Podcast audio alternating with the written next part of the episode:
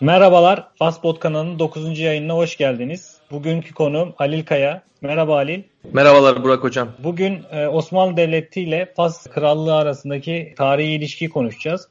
Aynı zamanda Halil Kaya da bu konu üzerine Master'da bir tez e, yayınlamıştı. Tezinin başlığı Osmanlı Devleti ve Birinci Dünya Savaşı'nda Fas'ta direniş hareketi. Öncelikle Halil, ben şeyi çok merak ediyorum. Bu konu seçerken hangi süreçte karar verdin? Yani ders döneminden sonra mı ya da işte ya da başından beri hep bu konuyu mu çalışmak istiyordun? Hangi bilgi ya da hangi kitap, hangi olay seni bu konuya çalışmaya itti? Bunu öğrenerek başlayabiliriz bence. Eyvallah. Yani senin de bildiğin gibi ben 2017'de MEB bursuyla Önce master sonrasında doktora yapmak için Fas'a geldim. Burada siyaset bilimi bölümünde master'a başladıktan sonra e, ders dönemine başladıktan sonra tabii e, önümde daha bir sene olmasına rağmen ne yapabilirim, ne gibi bir konu üzerinde tez yapabilirim diye düşünmeye başlamıştım. Araştırmalar yapmaya başlamıştım. Okumalarımı daha ziyade 20. yüzyıl başlarına 19. yüzyıl sonlarına yönelttim. Fas'ın aynı Osmanlı Devleti gibi, Osmanlı tarihi gibi Fas tarihinin de bu dönemi çok hareketli. Bilhassa Avrupalı kolonizatör devletlerle olan ilişki ilişkileri vesaire. Fas 1912'de Fransız-İspanyol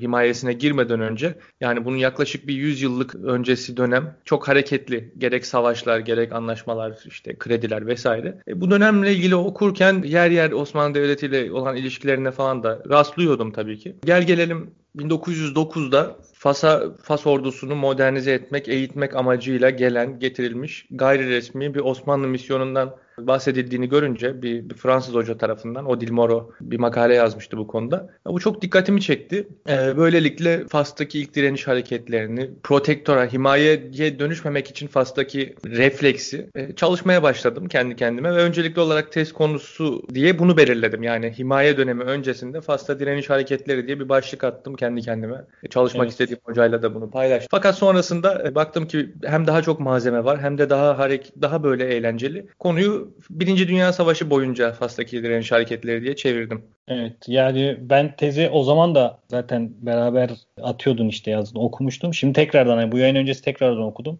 Gerçekten çok dolu bir çalışma. Ben yine seni buradan da tebrik etmek istedim. E, Odil Moro ismini verdin. Odil Moro aynı zamanda senin e, bunu da belirtelim. Master'da ko-direksiyonu da yapmıştı. Şimdi de doktorada da yine aynı e, şekilde devam ediyorsunuz. Evet. Şimdi şu o zaman şöyle şuraya gelelim. Bahsettiğin gibi o 19. yüzyılın sonunda Fas e, neredeyse Osmanlı gibi e, büyük Avrupa devletlerinin kıskacına girmiş ve çok fazla borç ya da işte savaş şeklinde problemlerle karşılaşıyor. Bu senin tezinin de birinci bölümünü oluşturuyor. Biraz bize o süreci anlatabilir misin? Yani Fas özellikle işte Hasan döneminde 1880'ler, 1870'lerin hatta daha öncesine gidelim. Bu Cezayir'in e, Fransa tarafından işgal edilmesinden sonraki sürece gidelim. Fas nasıl bir süreç geçirdi? Ya Birinci Dünya Savaşı'na gelene kadar burayı bize bir anlatabilir misin? E, şimdi şöyle, Fas öncelikle Fas'a ne deniyordu o dönemde? Fas kendini nasıl adlandırıyordu? Öyle başlayalım. Şerifler İmparatorluğu, Şerifler Krallığı, Sultanlığı şeklinde anıyorlardı kendilerini. Çünkü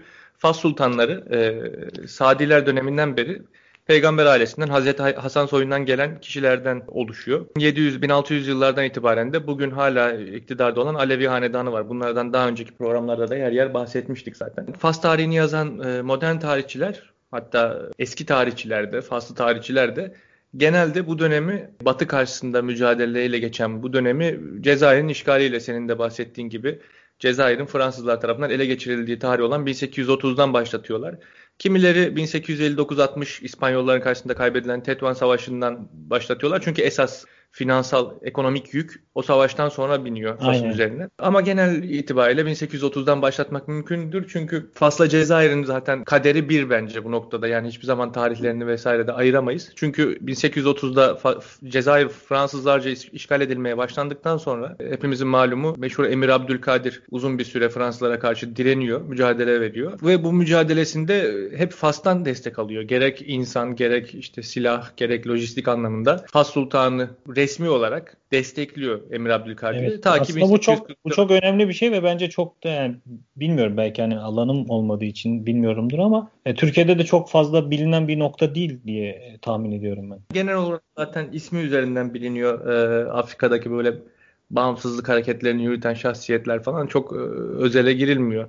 E, çok fazla tezde yapılmıyor üzerlerine. Emir Abdülkadir de bunlardan biri. Her ne kadar daha sonra Fransa'daki esaretten hayatından sonra Türkiye'ye önce Bursa'ya sonra Şam'a gidip orada yaşamış, orada ölmüş olsa da 1844'te Fransızlarla savaşmak zorunda kalıyor hatta bu Cezayir mevzundan, Emir Abdülkadir mevzundan dolayı ve Isli Savaşı denilen savaşta yeniliyorlar. Büyük bir mağlubiyet alıyorlar.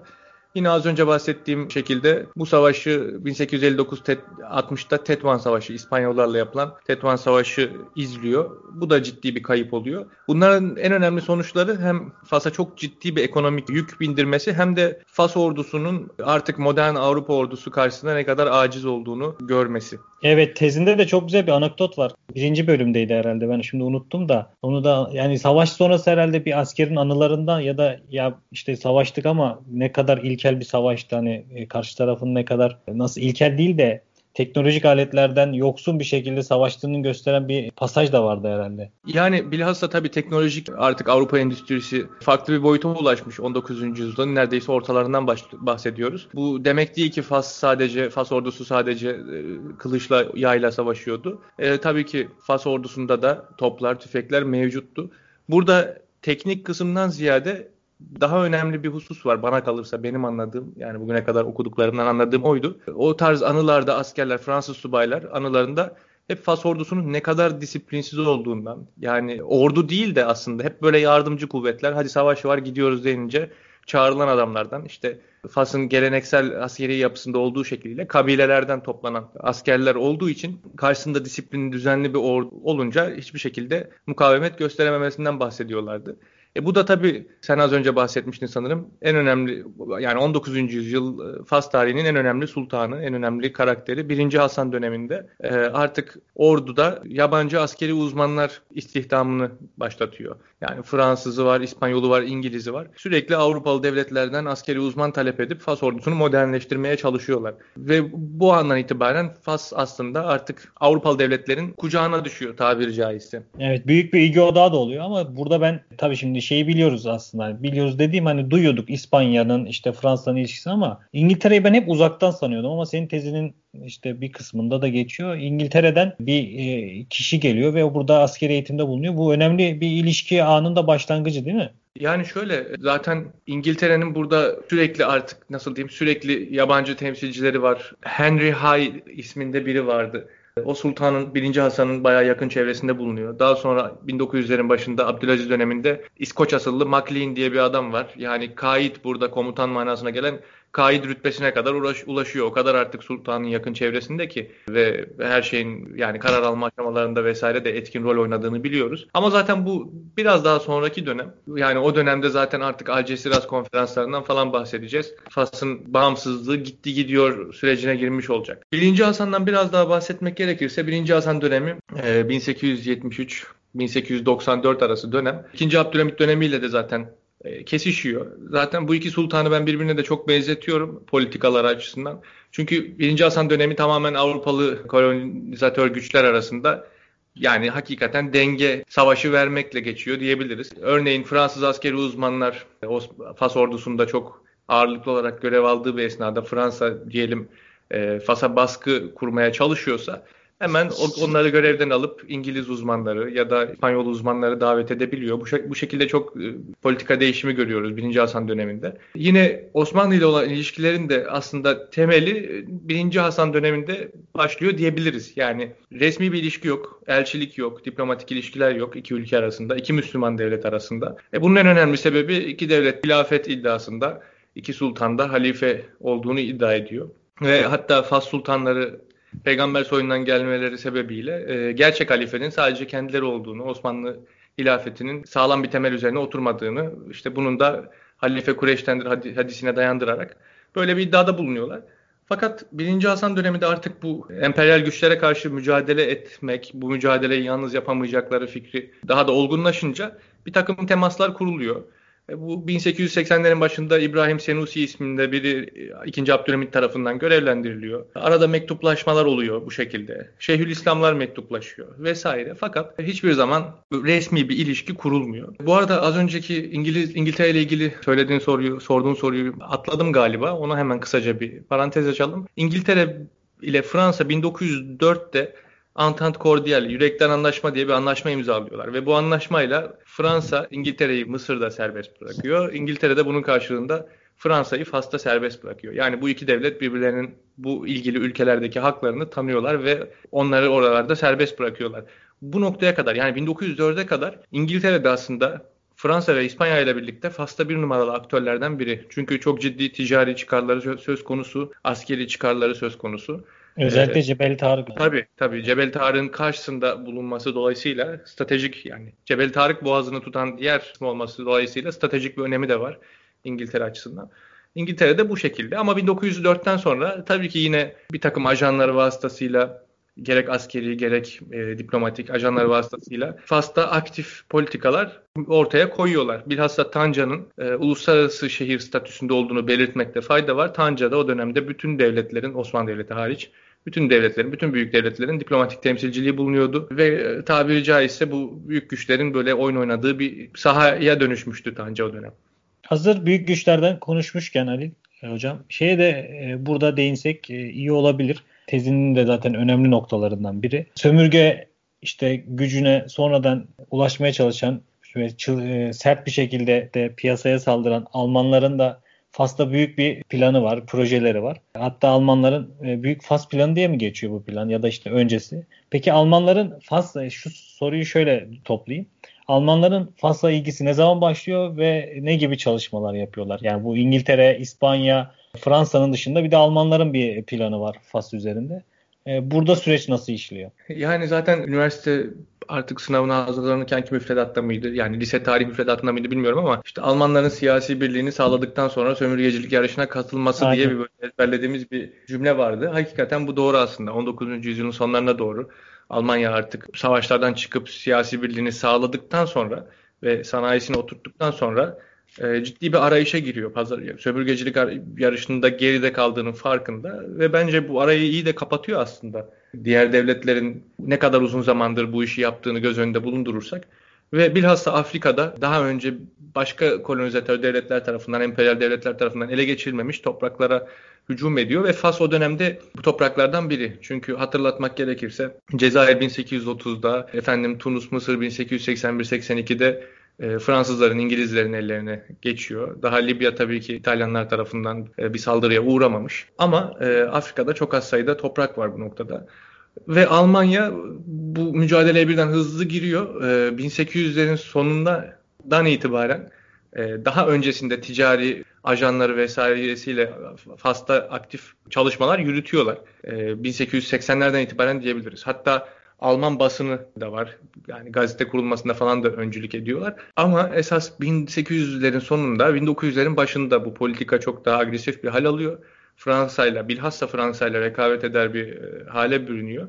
Ve 1905'te Alman Kayseri 2. Wilhelm bir Fas ziyareti yapıyor. Tanca ziyareti. Bu da önemli. Yani Fas evet. ziyareti deyince Fas'ın başkenti, o dönemki başkenti Fes şehrine ya da ikinci başkent önemli bir şehir olan Marrakeş'e falan değil, uluslararası bir şehir olan ama Fas'ın şehri olan Tanca'ya bir ziyaret gerçekleştiriyor.